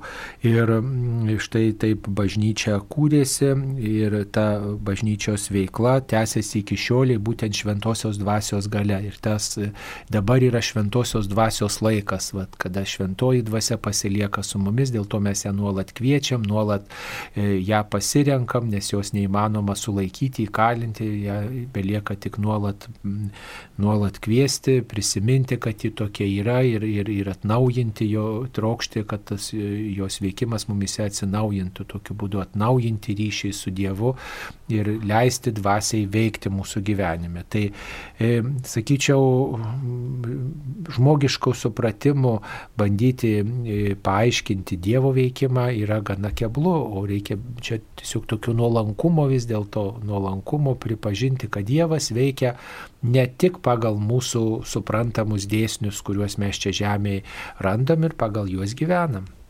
Tai dar aš noriu pridėti tokį mažą dalyką. Kodėl Jėzus sako, jums geriau, kad aš išeinu? Dabar jūs įsivaizduokite, kaip galėtume prie Jėzaus prieiti, jeigu jis gyventų, sakysim, kažkurioje tautoje, nu, kad ir žydų tautoje. Arba jisai turėtų keliauti per visas pasaulio tautas ir arba dieviškų būdų būti daugelyje vietų. Tai žiūrėkit, tas dieviškas e, toks pasireiškimo būdas, ką jisai reikštų. Jisai reikštų jau pasikesinimą iš žmogaus laisvą valią. Nu, pasikesinimą tą prasme, kad jau žmogus jau priverstas e, nebe, jau nebetikėti, jis jau e, mato ir, ir tada jau ta laisva valia yra suvaržoma tuo gėriu, kadangi bendrauja su Jėzumi, jisai jau yra visai kitoks dėl šito poveikio. Bet laisva valia turi išlikti, kadangi mes esame bandymo stovyje ir tada tikėjimu mes šitos dalykus, kad viešpas mums paliko ir, ir, reiškia, visa, visas mūsų tikėjimas skelbia, tai mes tą priimame tikėjimu ir už tikėjimą yra tas dieviškasis atlyginimas. O kai šventoji dvasia, tai ji gali būti veikti bet kur, bet kada, bet kurioje vietoje, bet kuriam žmogui. Ir tai, tai vis yra žymiai, žymiai nu, geriau negu kad būtų Jėzus ir, tai, ir dary, turėtų daryti kažką tai nebe taip, nebe, nebe palikdamas mums laisvos valios. Tai tiek dar. Taip, kaip išsivaduoti iš nuolatinio kalties jausmo? O. Šitas klausimas girdimas gana dažnai ir iš tikrųjų yra, matot, psichologinis momentas ir yra dvasinis momentas čia sudėtas į šitą dalyką. Tai kai žmogus kažką tai labai, kad, kad ir ne per daug jau labai blogai padaro, bet lieka, lieka sužeidimas, dvasinį sužeidimą pagydo išpažintis bet žmogus nenustoja dažnai save smerkęs, kaip jis galėjo tai padaryti. Ir, ir čia jau yra reikalinga, ne visada yra psichologinė pagalba reikalinga, bet yra reikalingas atsiteisimas. Nes padaryta nuodėmė, kaip jūs žinot, iššaukia pasiekme, vienokią arba kitokią pasiekme. Ta pasiekmė gali būti va tokia čia ir dabar, reiškia nepalieka šitas jausmas. Ir pasiekmi gali būti nematoma, kuri paskui paveikia žmogaus galbūt sveikatą, galbūt atsitinka kokie mm, nelaimingi atsitikimai, lyga ar panašiai.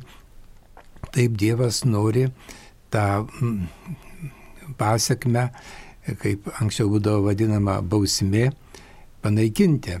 Reiškia, Dievas mums trokšta gėrio ir tai daro ir nieko čia baisaus, bet vienas ženklas jau praktiškas e, pamokymas būtų toks. Kadangi yra tas jutimas, reiškia atsiteisimas dar nėra įvykęs ir reikia jį daryti. Nu kaip, atgaila? Reiškia malda ir atgaila, tai yra mūsų priemonės. Nu apie tą atgailą jau buvo kalbėta šiandien ir, ir, ir literatūra jums parodytų, kaip tai atlikti, nes kai pasiskaitai arba išklausai, pavyzdžiui, konferenciją apie atgailą per Marijos radiją yra ne vieną kartą apie tai kalbėta, tai tada labai lengva jos imtis, kadangi tu pamatai gėri, kiek jisai tau duoda. Ir tada žmogus nusistato psichologiškai už tą gėrį, kad jį reikia pasiekti. Ir tada siekia visai lengvai net ir tas pasnekas arba kokie nors kitokie dalykai labai labai ir jie padeda ir yra lengvai padaromi. Tai tiek.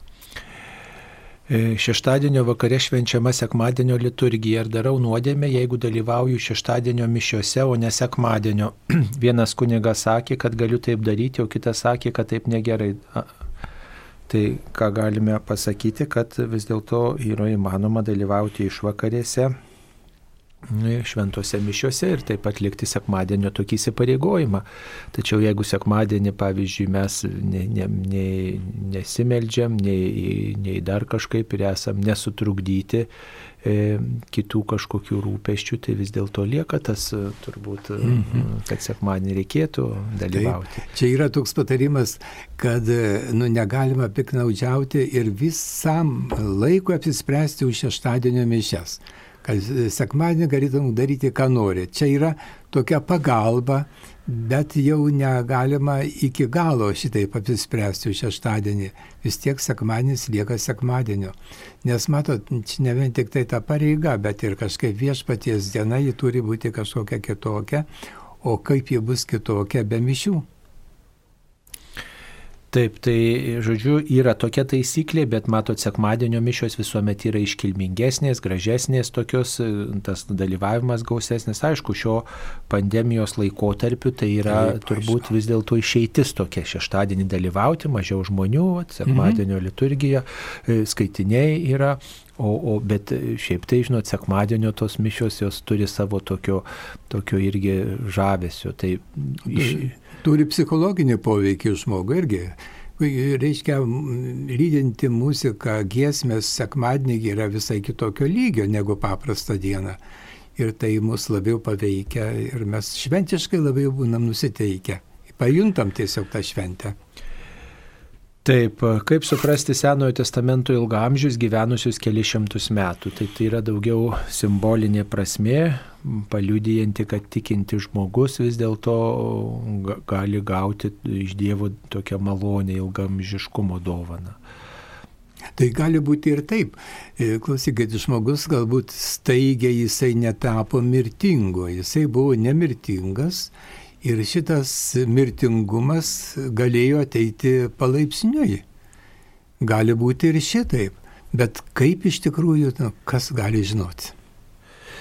Taip, ar šiais laikais žydai švenčia Velykas paską, jei ne kodėl. Taip švenčia šiais laikais ir prisimena išėjimą iš Egipto. Jie savo istoriją prisimena ir valgo neraugintą žolės, vergovę tokiu būdu. Pri, ne, ne, neraugintą duoną. Neraugintą duoną ir karčia žolės tokiu taip. būdu prisimena, e, reiškia, tą, tą savo istoriją ir taip dalyvauja, sudabartina tuos įvykius.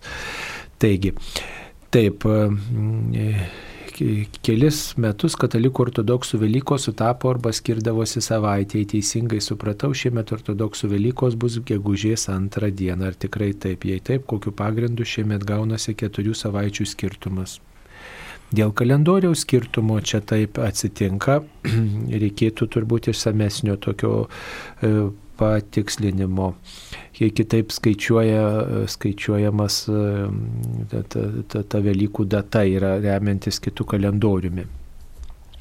Taip, e, dar viena žinutė E, prieš popiežiaus Jono Pauliaus antrojo ganytojišką kelionę į Baltijos šalį žiūrėjome filmą, kai jis būdamas jaunas kunigas vadovavo žygiui kalnus ir nakvynės pasiprašė pas kitą kunigą, tas pirmiausia paklausė, kodėl be sutanos, ar sutana yra kunigo drabužis tinkamas apsirengti vaikštant po miestą, važiuojant viešojų transportų ir panašiai. Nu taip, tai yra kunigo drabužis, nes kažkada turbūt e, va, taip nešiojo tokių rūbų ir miestiečiai, ir žmonės apskritai dėvėjo mhm. tokius ilgus rūbus ir mhm. kunigas, kad vengtų tokios prabangos savo aprėduose, savo rū, apsirengime, buvo pakvistas taip pat nešioti šitą rūbą, kuklų rūbą ir tas to, istoriškai taip ir liko šis rūbas žyminti mintis kuklumą, paprastumą. Bet na, dėl įvairių tokių sekuliarumo tendencijų kunigai sutaną nešioja vis rečiau, eiti į kalnus ne visada patogu su sutana, na tai kažkada buvo į tai griežčiau žiūrima, dabar sutana dažniausiai kunigas dėvi, būdamas bažnyčioje arba atlikdamas kažkokius liturginius veiksmus, nors šiaip jau sutana laikomas tokiu kasdieniu rūbu. Tai, e, žinot, e, sutana tai yra atsiliepimas ir į laikmetį. Ne tik tai, kad tai privaloma, anksčiau būdavo labai labai privaloma, tarpu karyje buvo toksai atvejas, kartą klerikas, kadangi įvilktuvės būdavo jau pačioj pradžioj seminarijos ir tada klerikas e, grįžęs atostogų pas tėvus vienas iki jaunant rugius, nu žinot, karšta diena, prakaituoja, jisai nusivilko sutaną ir taip jovė dirbo. Tai buvo kas pamatė, buvo kas paskundė seminariją, tai vien dėl šito jie atleido iš seminarijos. Tai anksčiau buvo, reiškia, tai tokia būtinybė, kad reiškia, kitaip ir būti negalėjo. Reiškia, tu, ein, jeigu eini pas žmonės arba priimi, priimi žmogų, interesantą, tu turi būti būtinai su sutana.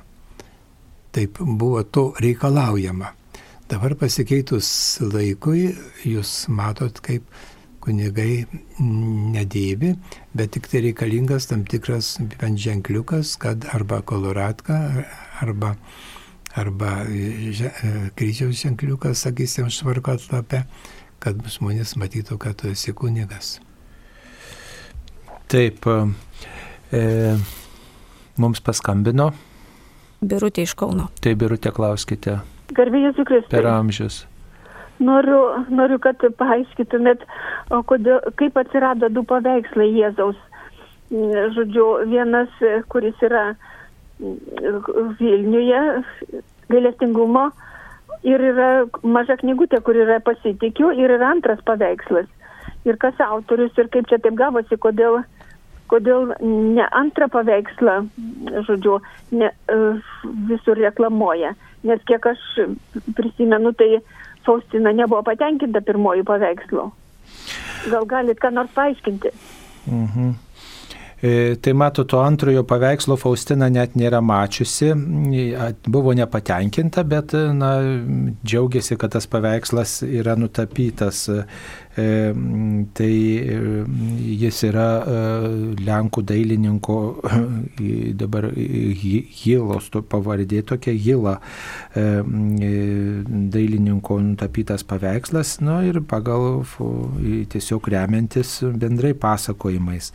O kodėl šitas neišplito, na tai E, mato, tas bendrai tas kultas e, labai sunkiai skynėsi kelią e, į tiesiog tą mūsų pamaldumą Ir dėl to, ir dėl to reiškia, nebuvo ir pripažįstamas, ir, ir, ir taip žinomas, bet, bet ta žinia apie Jėzų ir kur, kad jisai pasirodė Faustina ir kad, reiškia, kvietė tą paveikslą nutapyti ir kad, reiškia, per tą paveikslą skleidžiama gailestingumo žinia, ji buvo žinoma ir Lenkijoje, kurioje savo žemišką kelionę užbaigė šventoji Faustina ir tiesiog daugelis žmonių e, žinodami šitą istoriją, na, panoro, kad ir ten būtų ta, ta žinia kažkaip skleidžiama ir vat, paveikslas e, tam pasitarnavo.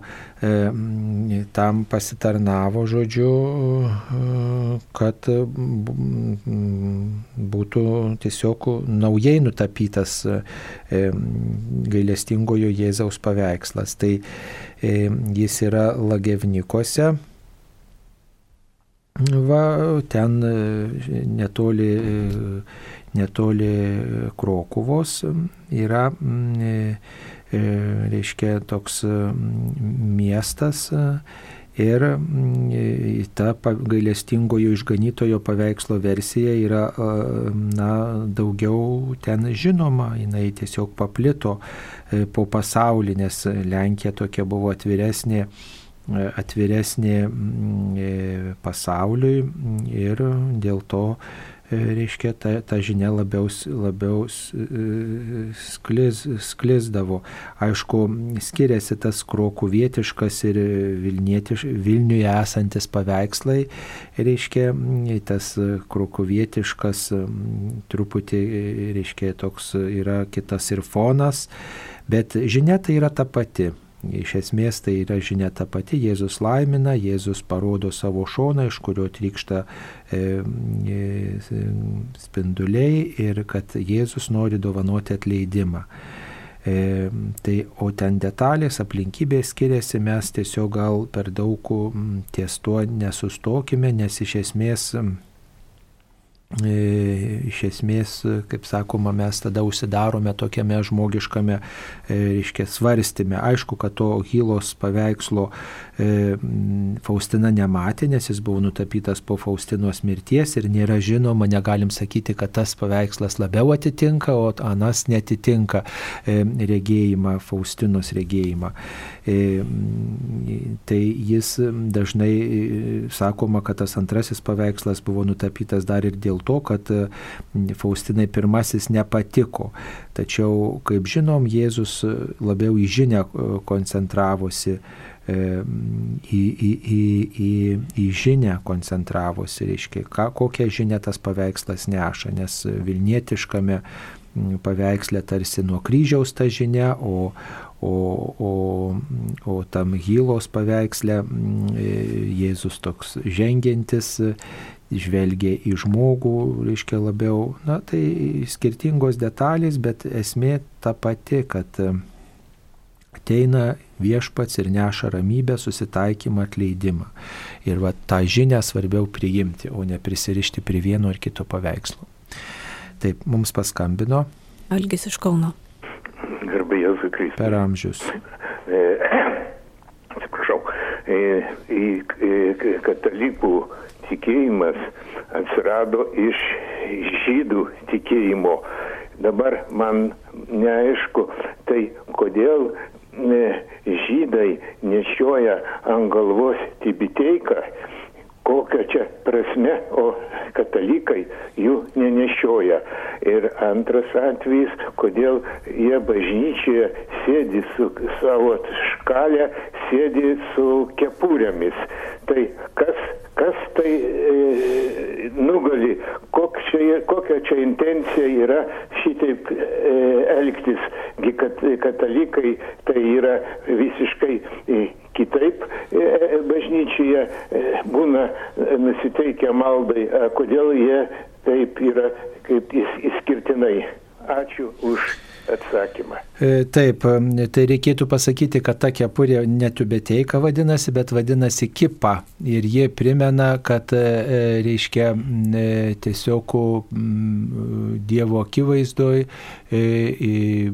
žmogus priklauso būtent viešpačiui, gyvena Dievo akivaizdoj ir, ir jis nėra niekieno, bet jis priklauso Dievui. Tai tiesiog priklausomybės Dievui ženklas ir ypatingas toks pasivedimas Dievui. Ir tarp kitko ta kepurėlė, vad kaip ypatinga tokia priklausomybė e, Dievui yra ir katalikų bažnyčioje, tai yra viskupai, kardinolai ir popiežius taip pat nešioja tokią panašią kepurėlę, kokią nešioja ir žydai, truputį ten skiriasi, kaip sakoma, ta dydis ir, ir pasiuvimas ir ji vadinasi pijuse čia nuo popiežiaus pijaus, kuris pirmasis pradėjo ją nešioti.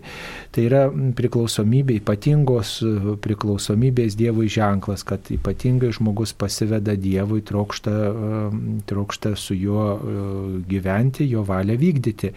Ir žydai štai tą, ypač melzdamiesi tą, tą iš, vat, išgyvena, o taip pat ir kitų laikų, ir būdami gatvėje, eidami visur nešioja tą kepurėlę, kuri vadinasi kipa teisingas pavadinimas būtų, tą paliudydami. Katalikai e, šito ženklo taip masiškai neperėmė, nors kai kurie kunigai, pavyzdžiui, irgi, kaip prie sutanos, irgi gali juodos spalvos tą kepurėlę tokią turėti. Tai Tai yra tokie, toks tas trumpas istorinis apibūdinimas. Mums paskambino. Eugenijus iš Panevežio. Taip, Eugenijau, klauskite. Garbėjus Kristus. Ir amžius. Norėčiau paklausti, dalyvaujant paprastomis dienomis per Marijos radiją transliuojamuose šimtose mišiuose ir priimant dvasinę komuniją, kokia yra šių mišių vertė ir kokia intencija jas galima būtų paskirti. Žinoma, sekmadienį dalyvaujant tiesioginėse bažnyčioje šimtose mišiuose. Ačiū. Gyvai dalyvaujant, na taip, gyvai dalyvaujant yra visiškai kita, kita vertė ir svoris. Na tai tas troškimo turbūt, ta troškimo vertė, ilgesio vertė tokia e, išgyvenama, ne, ilgesi gilesnį troškimą žmogus išgyvena, melzdamasis e, ir priimdamas dvasinę komuniją kokia intencija. Visomis intencijomis galite melstis. Čia yra, jeigu žmogus negali gyvai dalyvauti, tai bent tokiu būdu per nuotolį sužadindamas ilgesį, troškimą e, vienyti su viešpačiu ir Dievas, matydamas žmogaus tą tokį atvirumą, nusistatymą, jis aplanko tą, vieš, tą žmogų ir savo malonę suteikia. E, tai va, o, o tą vertę kasgi gali pamatuoti? Vertė visuomet didesnė, kai gyvai dalyvaujam, priimam šventą komuniją, bendruomenėje esam, kai, kai tiesiog gyvai sekam, bet to, tos galimybės neturint, tai bent, bent kita galimybė. Bet žinot, kartais galbūt galim ir tai pasverti žmogus, kuris snausdamas arba iš įpročio dalyvauja gyvai mišiuose, gal net ne, negauna, nepatiria tos malonės kaip ta žmogus, kuris negalėdamas dalyvauti, bet kuris seka per nuotolį ir be galo ilgesingai, su troškuliu, su atidumu dalyvauja, jungiasi, meldžiasi ir, ir tikrai gal tada ir tas žmogus gauna daugiau malonių negu tas, kuris abejingai e, snausdamas ar ten e, be galo e, nuobodžiaudamas dalyvauja gyvai mišiuose. Tai, žinot, kas tas malonės be išmatuos, bet tiesiog yra toks būdas paliktas, jeigu negalima gyvai dalyvauti, na taip tiesiogiai dalyvauti su kūnu ir siela, sėdėti bažnyčioje ir, ir sekti ir jungtis į tą maldą, tai tada bent, bent per nuotolį ir tą dabar įvairios galimybės e, suteikia. Taip, e, dabar e, noriu paklausti, ar reikia taip atrašyti Facebook'e, ar melsti savo širdį į švenčiausią mergelę Mariją ir kitus šventuosius, kurių paveikslus turime namuose. E, ar tai stabai, aš to netikiu, o man sako, kad turiu juos nuimti tik vieną dieną, vagarbinti. Paaiškinkite, na tokia padrika žinutė. Tai tikrai paveikslai, tai turbūt tik primena kad tikite vieną Dievą ir gerbėte šventuosius ir jie tikrai nėra stabai, nes ne tiem paveikslą melžiamės be Dievui. Tai žiūrėkit, yra taip, kad mes savo artimųjų nuotraukas peržiūrim, tai ar mes melžiamės, ar kažkokia čia stapmeldystė, ar kažkoks stapmeldiškas ryšys. Tai te, tai, kas mums svarbu, kas mums brangu, mes tai turim prieš akis ir mes ne su paveikslu bendraujame, betgi su pačiu Dievu arba su Marija žiūrint koks paveikslas, tai čia visiškai apie tą stapmeldystę negali būti nie kalbos. Čia priemonė, pagalba. Taip, taip apie šventą tėvą Pijų, kuo rožinis skiriasi nuo įprastinio rožinio. Ar galite pasakyti e, apie tėvo Pijaus turėtą sielų pažinimo dovaną? Taip, tėvas Pijus E, Petrilčinietis taip e, turėjo tą sielų pažinimo dovaną ir galėdavo pažinti žmogaus nuodėmės, net jam nepasakius jų. Jisai taip e, daugiau kitų dovanų dar turėjo, o tas tėvo pijaus rožinis taip jis skiriasi nuo įprastinio ten ir paslapčių skaičius kitoks, ir, ir, ir karoliukų, vėrinėlių išdėstymas kitoks. Ir apie tai reikėtų parengti atskirą laidą. Bet truputį kitoks ir jisai, mm, e, reiškia, ne tik su tėvu pijum siejamas. Ar užtenka vienos maldos popiežiaus intencija, kad gautumėte kelis dalinius atlaidus per dieną? E, taip, daliniai atlaidai, matot, jie nesumuojami yra. E, tai daliniai atlaidai pelnomi tada, kai, kai trokštama, pavyzdžiui, kad ir pelnyti visuotinius, bet neišpildomos visos sąlygos. O, o daliniai atlaidai taip pat skiriami už mažesnius, e, mažesnius įvairius darbus ir, ir maldas trumpesnės ir, ir tai yra daliniai E, tokia maža malonė, maža, dova, maža dovanėlė tam žmogui, kuris tikrai pasilgęs viešpaties gailestingumo ir trokšta keisti savo širdį. Tai užtenka vieną kartą pasimelsti popiežiaus intenciją ir tada galime mes kelis kartus e, pelnyti tuos dalinius atlaidus per dieną, bet nereikėtų jų sumuoti, tiesiog džiaugtis, kad galime va štai tokiu būdu semtis malonių. Taip.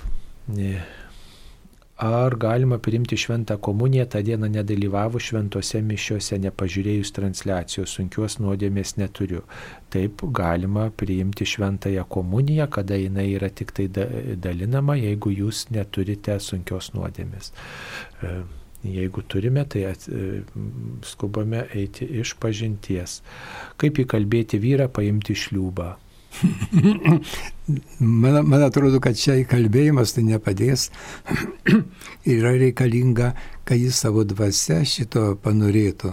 O tam reikia melstį Dievą, kad jisai na, kažkiek tai atsiverstų arba pilnai atsiverstų ir suprastų, ką tai reiškia mūsų tikėjimo šitas labai svarbus reikalavimas. Ir kartu reikia priminti ir savo pačios būseną, kad labai negera gyventi be santokos sakramento, kadangi jau negalima naudotis išpažintimi ir komunija. Vienu žodžiu, jau, čia jau yra jūsų misija. Jeigu taip jau patekote iš tokį santyki, na kągi, kągi Dievas norėtų pasakyti. Reiškia, jau jūsų misija būtų jį atversti bet tai čia žmogus ne viską gali. Vienu žodžiu, daryti tai, kas jį veikia, kas jį traukia į gėrį, bažnyčią. Na ir čia jau reikia ir maldos, ir atgailos, tos mūsų pagrindinės priemonės. Taip, ar galite patarti, kaip kovoti su beviltiškumo jausmu, kuris apima dėl to, kad ilgai nesiseka sukurti šeimos? O, Klausykit, tai čia nereikia beviltiškumo jausmui pasiduoti, o prašyti Dievą, kad įvyktų jo valia. Ir tada arba Dievas duos tą galimybę, kad būtų, reiškia, susitiktumėt antrą pusę, arba leis priimti tai, kas yra. Reiškia šitokį kitokį gyvenimo būdą. Bet vis tiek, kaip ten bebūtų, yra reikalinga žmogui meilė. Tai tada, jeigu nėra e, santokinės meilės, nevyksta šitas dalykas. Tai tada reikia meilę reikšti kitiems žmonėms, tarnaujant. Taip, imantis kokios nors misijos ir tarnaujant. Taip, kaip vertinate kunigo Jameso Martino jezuito vakar skaitytą paskaitą? Neteko klausytis. Neklausiau kažkaip, nu, įtartinai, aš žiūriu, nežinau, kaip ten iš tikrųjų buvo. Taip, na ir aš tos paskaitos neklausiau vakar, tai nieko negaliu ir pasakyti. Žodžiu, tai gal ateityje ir pasidomėsime šitais, šitą paskaitą, kas ten buvo pasakyta. Taip, dar ar Vilniuje jau tikintiesiems galima lankyti bažnyčias. Tai ta, tiesiog manau, kad e, pamažu, pamažu tie ribojimai jie gali būti nuimami, tačiau reikia suprasti, kad ribojimai duoti tam, jog e, būtų išvengta didelių tokių masinių susibūrimų. Tai, tai vakar vienas iš Vilniaus jėzuitų buvo atvykęs ir sakė, kad dar negalima, dar uždarytos bažnyčios kol kas. Taip, tai e, tiesiog dėl didelės tokios uh, užsikrėtimo galimybės, tie masiniai susibūrimai yra draudžiami ten, kur tas susikrėtusių žmonių skaičius yra labai didelis. Tai palauksite ir tikrai galima priimti šventą komuniją toje bažnyčioje e, pagal joje nustatytą tvarką, kurioje jūs lankotės arba e, į, kurią kreipiatės ir iš pažinties taip pat galime, galime ten e, e, prieiti. Nuo sakramentų žmonės nėra sulaikyti tik tai nuo tokio masinio dalyvavimo. Turbūt ar nereikia tą pabrėžti, kad bet kuris norintis priimti šventą komuniją, prieiti susitaikinimo sakramento, tą gali padaryti pagal toje bažnyčioje galiojančią tvarką. Ir tikrai reikėtų konkrečiai e, skambinti e, vienos ar kitos bažnyčios e, kunigams, ar pasidomėti jų puslapyje internete ar, ar, ar, ar Facebook'o paskyroje ir Na ir neatskirti savęs nuo sakramentų šventimo, kad mums šitas laikotarpis tikrai nebūtų e, toksai žiaurus ir mūsų nuo tikėjimo netitrauktų, o kaip tik tai būtų proga dar labiau pasirinkti krikščionišką tikėjimą. E, dar turime e, keletą tokių klausimų. Ar negalėtumėte vis tik per didžiasią šventes transliuoti ir puikių, prasmingų, geriausių autorių sukurtų tradicinių lietuviškų giesmių ir teiskinga diskriminuoti vyresnę ir vidurinėje kartą? besigin, besilginčią tų giesmių ir neturinčią, kur jų daugiau išgirsti. Ar tai Marijos radio politika, ar tiesiog užsispyrimas. Na, e, matot, e, kaip ir įvairūs yra mūsų žmonės, kurie klausosi mūsų, e, taip ir, reiškia, mūsų muzika tokia, nu, tokia įvairi stengiasi būti. Taip, mūsų muzikos redaktoriai stengiasi kuo įvairesnę muziką įkelti tam, kad įvairius, įvairių žmonių poreikius atlieptume ir kad įvairių žmonės girdėtų jiems kalbančią, į juos prabylančią muziką, galėtų įvairios muzikos klausytis. Jeigu mes tik tai transliuosime senovinės giesmes, kantičkas, kurios yra labai gražios ir kurias tikrai mes mielai visi galime kartu gėdoti, kurios yra ir ramios, ir džiugios, ir liūdnos kai kurios, ir, ir linksmesnės, na tai mes rizikuosime, kad jaunesni žmonės, tiesiog kuriems gal ne visada yra ta, ta muzika tokia liaudiška, muzika priimtina, rizikuosim, kad štai jie, na, liks nuo šaly ir, ir va, tai tiesiog bandoma įvairi muzika.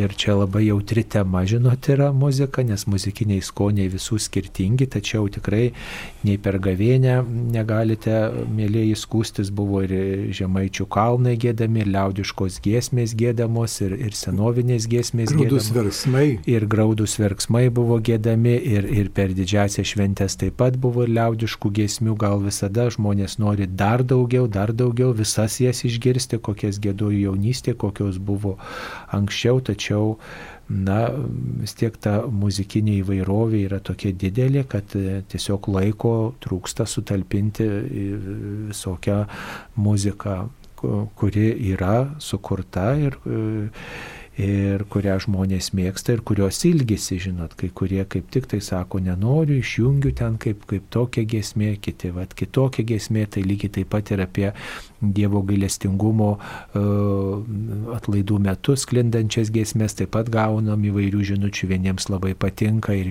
labai džiaugiasi, kad čia profesionalai gėda, kiti labai piktinasi, na ir ką daryti tokiu atveju, žinot, tokį, tokį viduriuką labai sunku atrasti ir, ir tiesiog, na, na, yra toks kaip švituoklės principas, žinot, kaip į vieną pusę švituoklė e, nukeliauja, tuomet kitoj pusėje esantis sako, kodėl ne mūsų pusė, o kada, kada į jų pusę grįžta, tada kitoj pusėje iššaukia, kodėl ne mūsų pusė švituoklė. Taip ir, taip ir turbūt ta muzika, bet tikrai stengiamės įvairiems skoniams atsiliepti.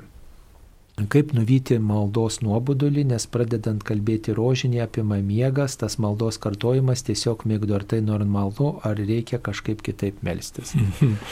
Nugi reikia mąstyti paslapti. Jeigu taip gyvai įsivaizduojant visą tą įvykį, apie kurį kalba paslaptis, tai tada nuobodulio nebus. O be to galima ir vaikščioti, jeigu, sakysim, namuose ir kitokių priemonių imtis, stovėti. Na ir tada neims nuobodulys. Taip, e, geriausiai melstis įvairiomis kalbomis, dar irgi būdas yra melstis mm -hmm. lotyniškai, melstis lietuviškai, gal dar kokią kalbą mokat, itališkai, lenkiškai, vokiškai, angliškai, jeigu vienas žmogus meldžiasi, tai, tai tuomet e, tikrai ta malda tokia įvairesnė tampa. E, va, ir galima pridėti, meldžiantis vienam žmogui, yra toks paprotys, vienuolynuose teko susidurti lankantis, kad ties maldos viduriu, kai ištariamas Jėzaus vardas, pridedamas koks nors kreipinys į Jėzų, tai tuomet na, žmogaus, žmogaus malda tampa tarsi budresnė. Jėzus, kuris prisikėlė, pavyzdžiui, ir vat, per vieną dešimtuką, kai kalbama sveika Marija malda, ištariam Jėzaus vardą, sakom, pagirtas tavo sunus Jėzus, kuris prisikėlė. Tai tada ta malda tokia kitokia tampa, ties kitų dešimtukų, kitą galima e, žodį pridėti. Tai nėra oficialus bažnyčios toks mokymas, tačiau toks pamaldumas vienur ir kitur yra išplitęs. Ir su, su tuo galima susidurti, ypač privačia maldos kalbėjime. O šiaip tai miegas, miegas poilsio būsena tikrai Dievui paveskite ir svarbiausia turbūt nesipiktinti, svarbiausia nelinkėti kažkokio pykčio, priešiškumo, nemailės, keršto, at, vengti nuodėmės, o kas miega, tai dar netaip jau blogai, kas nudariuoja, svarbiausia nenusidėti. Kas miega, nenusideda, netoks posakis yra. Taigi viešpats te laimina ir te duoda jėgų mums visiems, visiems tikėti ir vis dėlto te padeda viešpats pagal tikėjimą gyventi, kad visą tai, ką mes protu apriepiame, kad ir savo pastangomis pasirinktume ir darbais palydėtume. Šioje laidoje dalyvavo kunigas Algirdas Paliokas, jezuitas iš Kauno Švento Pranciškaus Saverų bažnyčios ir aš kunigas Saulis Bužauskas viešpats te laimina kiekvieną mūsų klausytoją ir tuos, kurie mums rūpi. Ačiū sudė.